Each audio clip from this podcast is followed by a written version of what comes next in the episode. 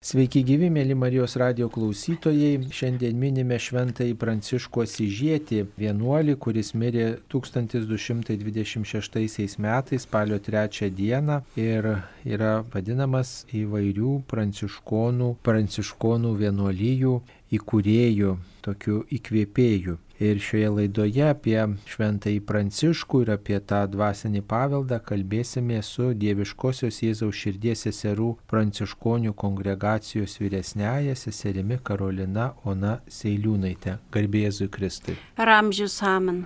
Taigi, gal pradžioje reikėtų pasakyti, kaip jūs atradote kelią į šią pranciškonišką bendruomenę. Ar šventasis pranciškus jūs patraukė, ar vienuolyje, ar dar kažkoks įvykis buvo, kad štai atradote šią bendruomenę ir dabar net esate išrinkta šios bendruomenės vyresnėje. Na, 1991 metais, tai kai gal įvyko mano atsivertimas, Aš gyvenau mažame miestelėje prie Vilniaus Lentvarėje ir ten vienas iš altorių yra skirtas šventajam Pranciškui. Ten yra ir jo relikvijos. Taip, yra jo relikvijos ir kažkaip turbūt pirma knyga, kuri man pakliuvo į rankas, tai buvo Antano Maceinos Saulės gesmė. Ir per ją aš atradau Pranciškų, turbūt patį pirmąjį šventąjį, kuris man, nežinau, mane sužavėjo, patraukė. Po to vėliau aš, aš ją skaičiau gal nu, kokius septynis, aštuonis kartus ir kiekvieną kartą beskaitydama vis iš naujo atrasdavau pranciškų. Na ir ten veikia taip pat ir pasauliečiai pranciškonai. Pamažu aš įsitraukiau į, į jų į trečiąjį pasaulietčio pranciškonų ordiną, bet jaučiau, kad viešpats mane kviečia toliau, kad jisai nori kažko kito, tai iš pradžių kadangi labai mylėjau tylą, tai nuvykau į Kretingą, pas Šventos Klaros neturtelės seseris. Ten pabuvau keletą mėnesių, bet e, tiesiog negalėdavo daroti, nes viešpats sakydavo, kad aš tave kviečiau ne čia. Ir žinojau, kad į pasaulį jau nebesugrįšiu, bet norėjau eiti kartu su Pranciškumi, nes, nežinau, man, mane patraukė jo gyvenimo būdas, jo, jo paprastumas, jo neturtas, jo santykis su gamta.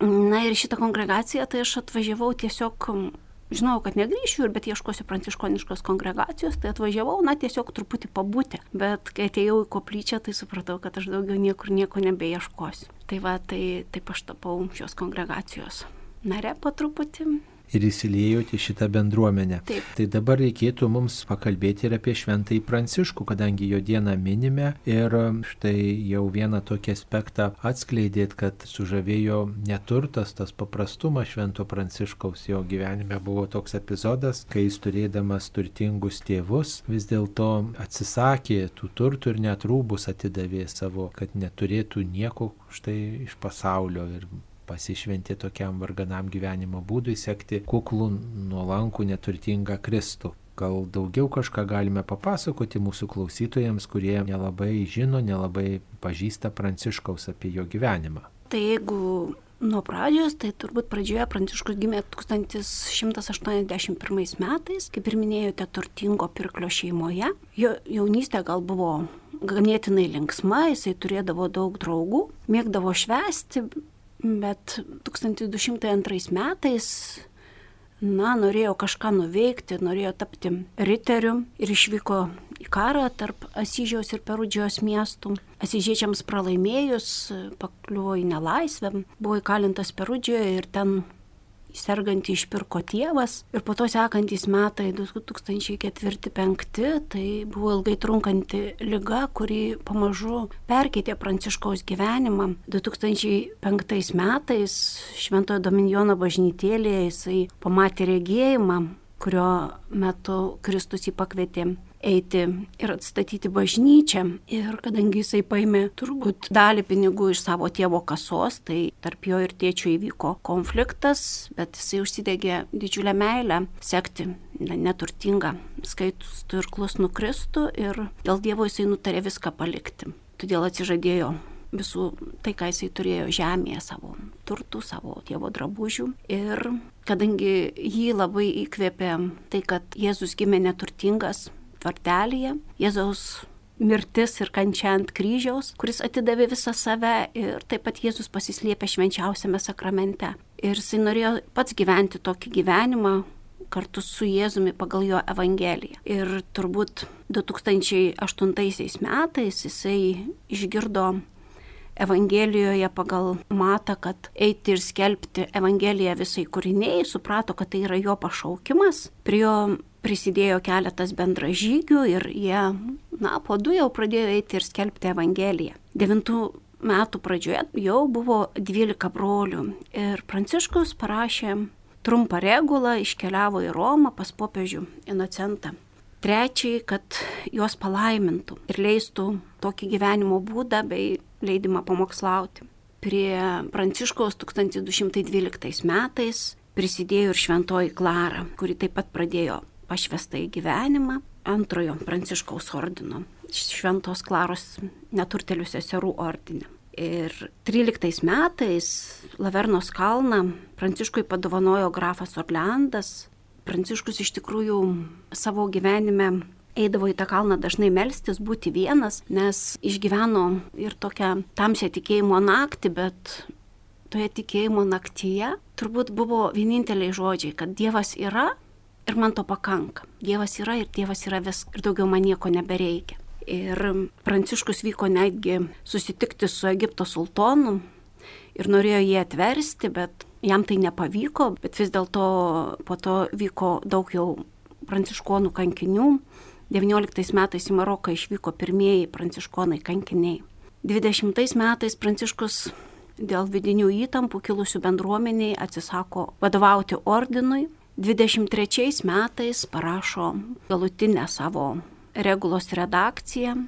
24 metais ant Lavernos kalnos Pranciškas gauna stigmas. Jėzus jį apdovanojo savo kančios žaizdomis ir 26 metų spalio 3 dieną Pranciškus iškeliauja pas viešpati Porcinkulėje. Na, stigmos toks turbūt vienas įspūdingiausių dalykų Pranciškaus gyvenime, kad štai turbūt žinomas be ne pirmasis krikščionis, Kristaus sėkėjas, beje vadintas turbūt ir antruoju Kristumi net Pranciškus, nes buvo labai jau toks pasišventęs Dievui ir tikrai neturtinga, klusno Kristų sekė ir gal dėl to tokio radikalaus pasišventimo Evangelijai, Kristaus žiniai viešpats tą malonę jam suteikė nešioti žaizdas tose vietose vietose, kurias turėjo ir pats Kristus, aišku, vėlesniais metais istorijoje žinomi ir kiti žmonės, kurie turėjo. Štai ką mums reiškia, ką galima apie tas stigmas pasakyti, kad Pranciškus jas turėjo, kokia štai mums reikšmė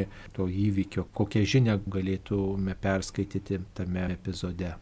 Turbūt, kad gyvenimas kartu su Kristumi, Kristuje dėl Kristaus padaro mus panašius į Kristų. Taip ir tas susitapatinimas su Kristumi įvairiose situacijose ir net sunkumuose. Aišku, labai įdomus epizodas yra tas bažnyčios atnaujinimas, tas porcinkulės aspektas, kai Pranciškus galvojo, jog turi atstatyti tą griūvančią bažnytėlę, o vis dėlto viešpats kvietė atnaujinti bažnyčią. Tai kaip visą tą visuotinę bažnyčią Pranciškus atnaujino, koks jo indėlis buvo atnaujinant tą visuotinę bažnyčią. Turbūt labai didelis indėlis, nes tuo laikotarpiu buvo labai daug erezijų ir Pranciškus vis dėlto ėjo kartu su bažnyčia, labai gerbė kunigus, jisai sakydavo, kad jisgi net nevertas atsistoti į tą vietą, kur kunigo koja praėjo. Ir tą savo evangelinę dvasę, evangeliniais patarimais Jėzaus meilę, neturtų klusnumu ir skaistumu, radikaliu savo gyvenimu, parodė, kad gali būti kitokia bažnyčia, kad galima sekti Jėzumi, kad galima gyventi jo evangeliją.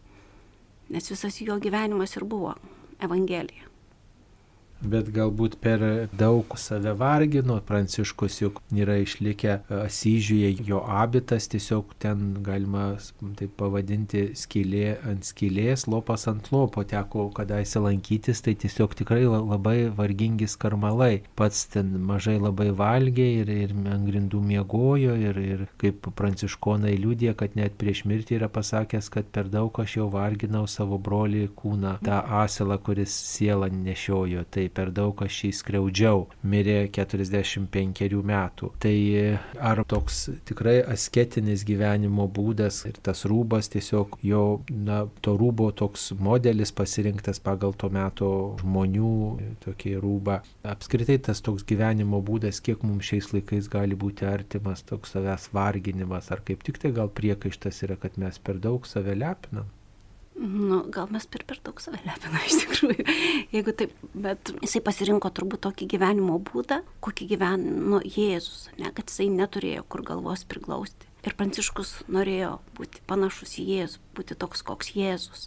Aišku, gal turbūt skiriasi asketinės praktikos mūsų dienomis nuo to laikmečio, kai gyveno Pranciškus o kaip vienuolynas, taip jūsų bendruomenė perima va, tą pranciškaus nuotaiką, tą asketinę tokią praktiką, ar tai daugiau yra toks siekinys, ar kažką perkelėti į savo gyvenimą iš jo istorijos. Manau, kad pačioje pradžioje, kai kūrėsi mūsų vienuolynas, na tai tikrai buvo perimta labai daug iš jo ir gal aš galėčiau pasidalinti keletą sakinių iš savo įkūrėjos mūsų, įkūrėjos motinos Augustinos raštų, rašytų 48 metais, kai buvo čia pertvarkyta konstitucija. Tai jinai rašė seserims apie Pranciškų.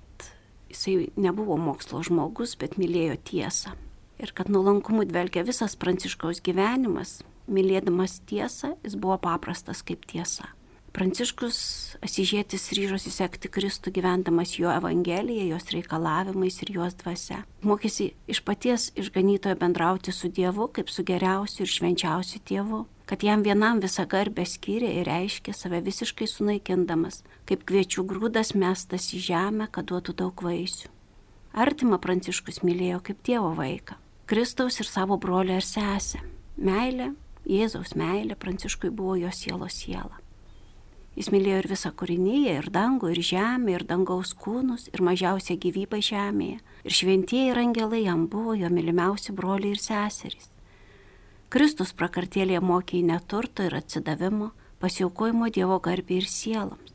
Nuolankus, klusnus, beturtis, savo rankomis uždarbiauja savo šventai šeimai duoną, viendangiškojo tėvo valia bei pamėgimu gyvenas Kristus už mus besiaukojantis meilės auka, nukryžiuotas Kristus ir Kristus švenčiausiame sakramente buvo Švento Pranciškaus meilė, ilgesys, paguoda ir gyvenimas. Jis alpdamas troško sekti Kristų tokį, kokį jis matė Evangelijoje. Dėl to jo jis savo regulą paima Evangeliją. Brolių ir sesių gyvenimo forma yra vykdyti Jėzaus Kristaus Evangeliją, vykdant klausnumo, skaistybės ir neturto įžadais pasiimtas patirtis. Šventojo Pranciškaus gyvenimas yra aiškiausių aiškiausias įrodymas šventosios dvasios veikimu sielose. Prastunėlis, nemokša, tampa dvasios išminties dovana apšviestas ir uždegtas meilė. Jis ima esmingiausiai, giliausiai švenčiausią Evangeliją ir ją savo gyvena daug nefilosofuodamas. Kasgi yra aukštieji teologijos mokslai prieš tokį štai šventojo praktiškai gyvenimą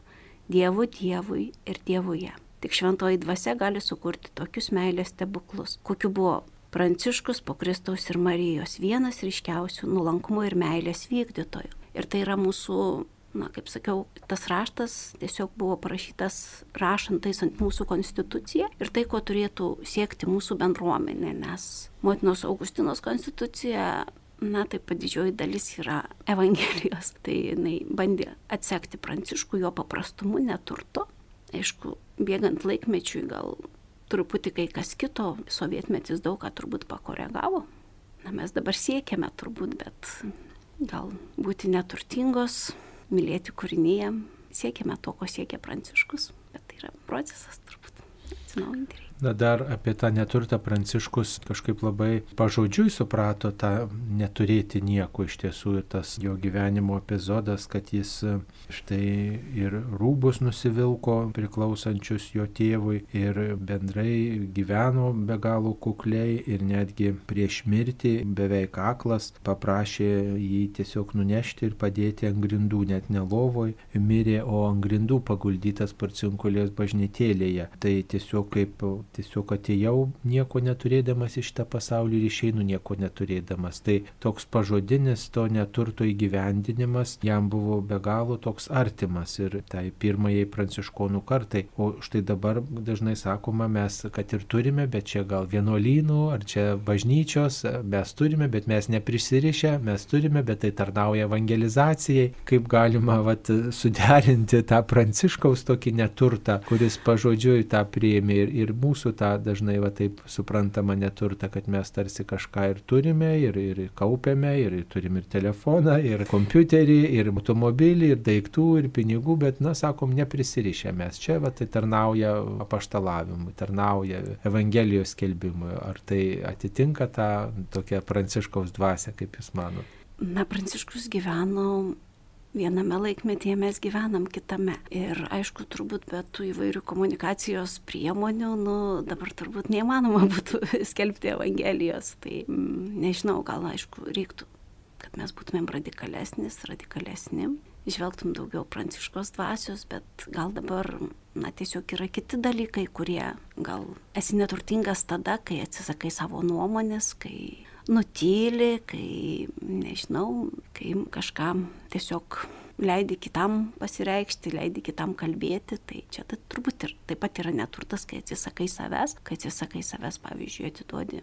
savo dieną slaugydamas ligonius, tai taip pat yra neturtas, nes turbūt atiduodi save taip, kaip gali, kaip sugebi, kaip yra, na, kaip, kaip įmanoma turbūt šitame laikmetyje, nes mūsų laikmečiai skiriasi ir aišku, nežinau, turbūt lengviau būtų gyventi taip kaip pranciškus kažkur oloje ne, ir nieko neturėti ir garbinti Dievą, bet ne, gyvenimas eina, juda į priekį eina ir iš tikrųjų mes, nežinau, esam turbūt pažinojau, bent mūsų kongregacijoje pažinojau dar tų sesių, kurios buvo pirmosios, kurios atėjo kartu su motina Augustina, jų galbūt gyvenimas skiriasi truputį kitoks buvo, jos tikrai neturėjo nei telefonų, nei viena mūsų sesė taip pat vat, parėjo po adoracijos atsigulė ant grindų ir kaip Pranciškus iškeliavo pas viešpatį, niekam nieko nesakiusi. Tai mačiau truputį kitokią tą dvasę, sovietmetis ją truputį pakoregavo turbūt, turbūt buvo galbūt žiūrima mažiau į Pranciškų, daugiau ko reikėjo to laikmečio bažnyčiai. Na, dabar gal mes po truputį bandome, bet tai yra siekinys. Bandome atskleisti, ieškoti daugiau tos dvasios, būti galbūt labiau neturtingos tai yra siekinys. Minėjote apie Pranciškaus tokį rūpestį, meilę, dėmesį gamtai. Galbūt apie tai reikėtų mums daugiau pakalbėti. Yra dabar ta tradicija, kad štai minint šventai Pranciškų daugelį bažnyčių, ypač pranciškoniškos dvasios bendruomenėse, tose bendruomenėse, kurios Pranciškų laiko savo globėjų, tai laiminami gyvūnėliai, dėkojame Dievui už kūrinyje tą dieną. Tai gal reikėtų daugiau apie tai papasakot, kodėl Pranciškų Pranciškus tą dėmesį kūrinyjei pasėjo savo raštuose ir, ir tokį paliko pavyzdį.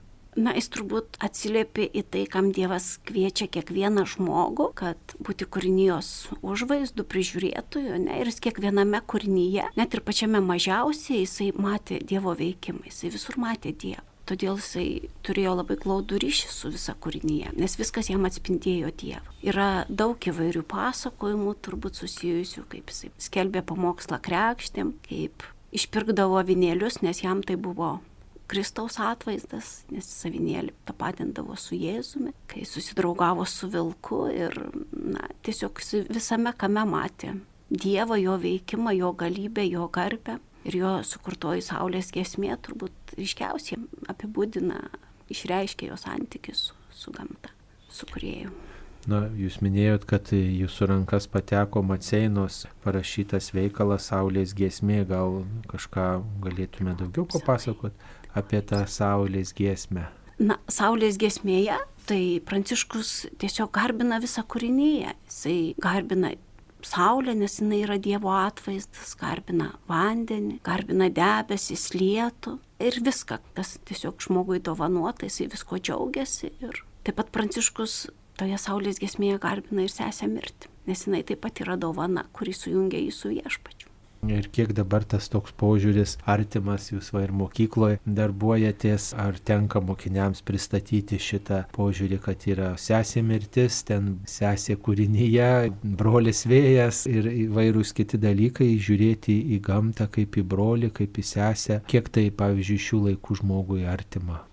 Na, nežinau, manau, mažesnio amžiaus vaikams tai dar yra artima labai, na, vyresnio galbūt jiem daugiau artimi kiti dalykai, bet yra tikrai vaikų, kuriem, kuri, su kuriais taip pat gali labai daug diskutuoti ir manau, kad jaunimas taip pat jisai saugo kūrinėje, jisai jau kartais jaunesni žmonės netgi prieštarauja mums vyresniems, kad mes nerušiuojam, pavyzdžiui, dar kažko nebedarome. Tai galbūt iš išorės atrodo, kad jaunimui nieks nerūpi, bet iš tikrųjų rūpi, rūpi mūsų pasaulis, mūsų gamta. Čia turbūt toks yra gal skirtumas nuo pranciškaus, kai jisai rūpinosi kūrinyje, žvelgė į gamtą kaip į kurėjo dovana, kad yra kurėjas vienas vertas garbės, o visa kita tai yra jo dovanos ir, ir mes esam taip pat tos kūrinijos dalis, bet vat, už visų tų kūrinių yra kurėjas ir visą tai jis davė tam, kad žmogui padėtų. O štai dažnai šiais laikais mes žiūrim patogumo, žiūrim turbūt naudos, žiūrim, kad mums gerai būtų, kad kažkam po mūsų gal gerai būtų. Ir tiesiog gal tas toks praktinis interesas, ne, yra reikia rūpintis gamta, nes čia yra visų mūsų namai. Ne, mhm, tarsi naudinga tuo rūpintis. Ir tiesiog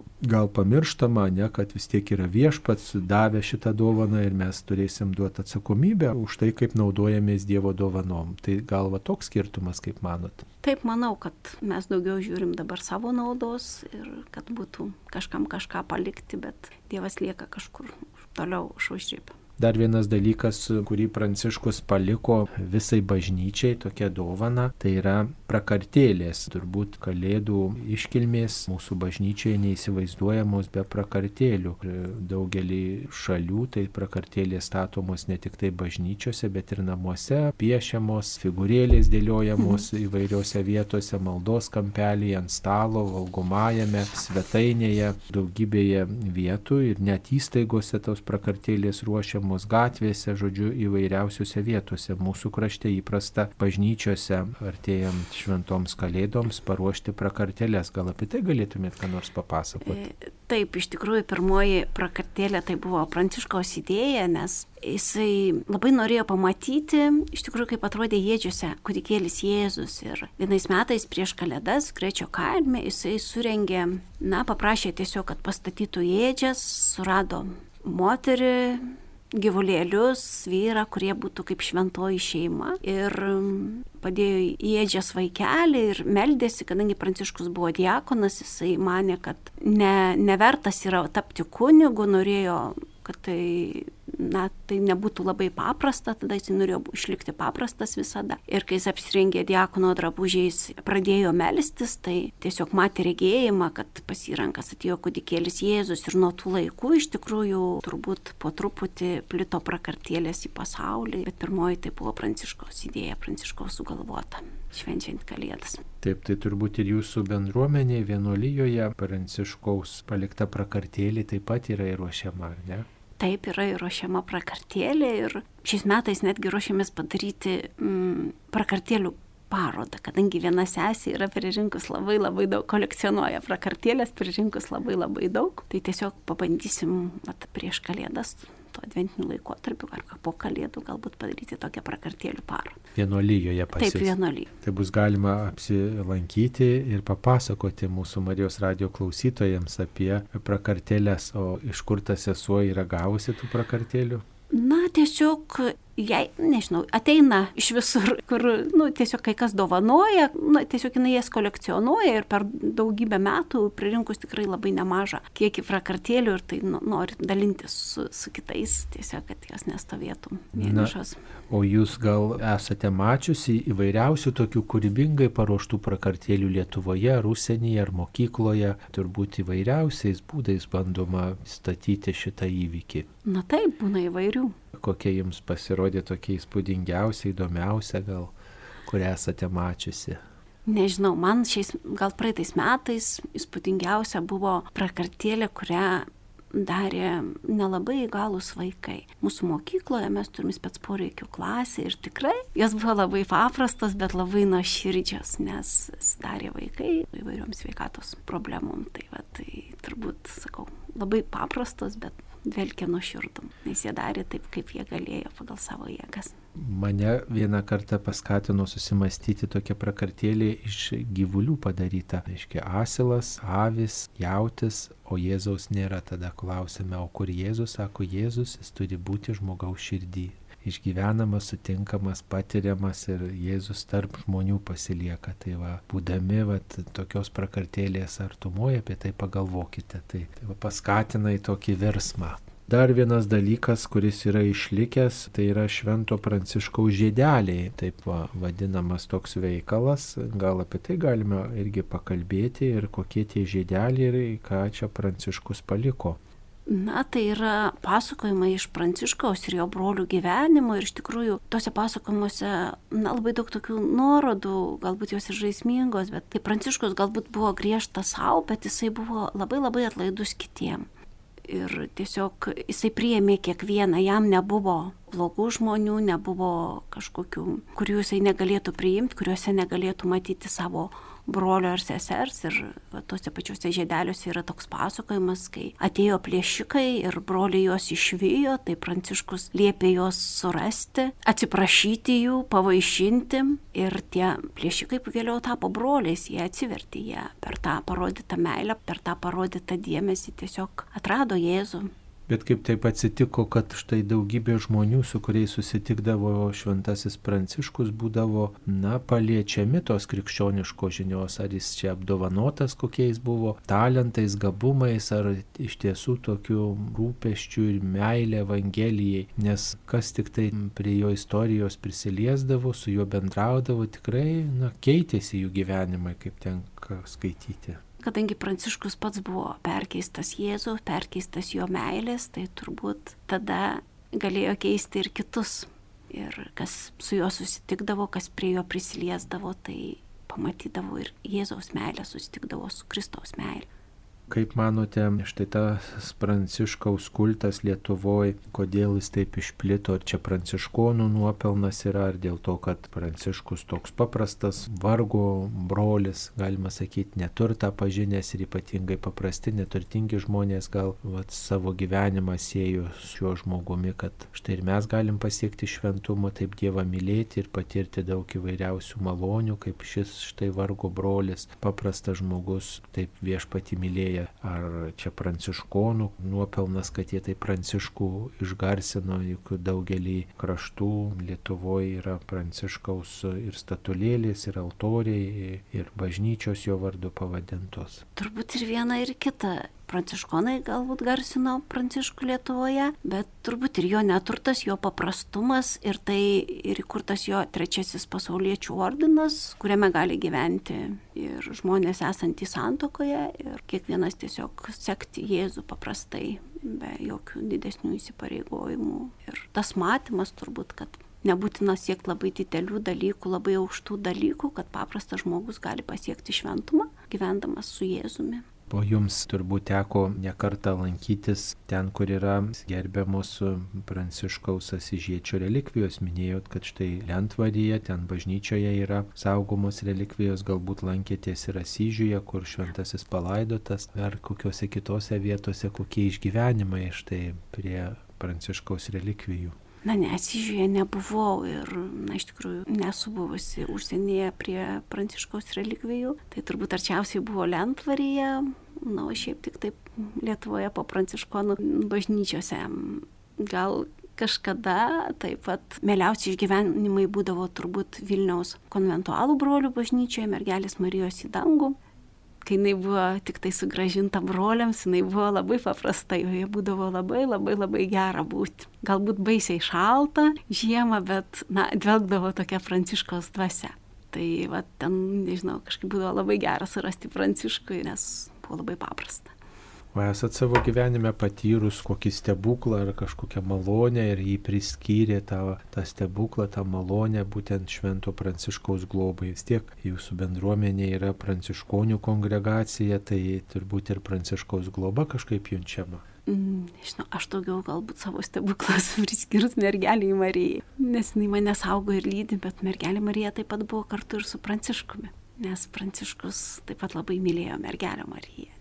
O gal iš kitų seserų istorijų esat girdėjus, kad štai prašė Pranciškaus globos, užtarimo, kažkokio ženklo ir, ir to sulaukė? Ne, kažkaip nesu to girdėjusi, bet net gyvenčiau. Taip, tai mėly Marijos radio klausytojai, šioje laidoje kalbėjomės apie šventąjį Pranciško Sižėtį ir tai, kaip jis yra gerbiamas. Laidoje dalyvavo Dieviškosios Jėzaus širdies seserų pranciškonių kongregacijos vyresnioji sesuo Karolina Ona Seiliūnaitė. Ją kalbino aš kunigas Saulis Bužauskas. Visiems linkime švento Pranciškaus globos. Ačiū sudė.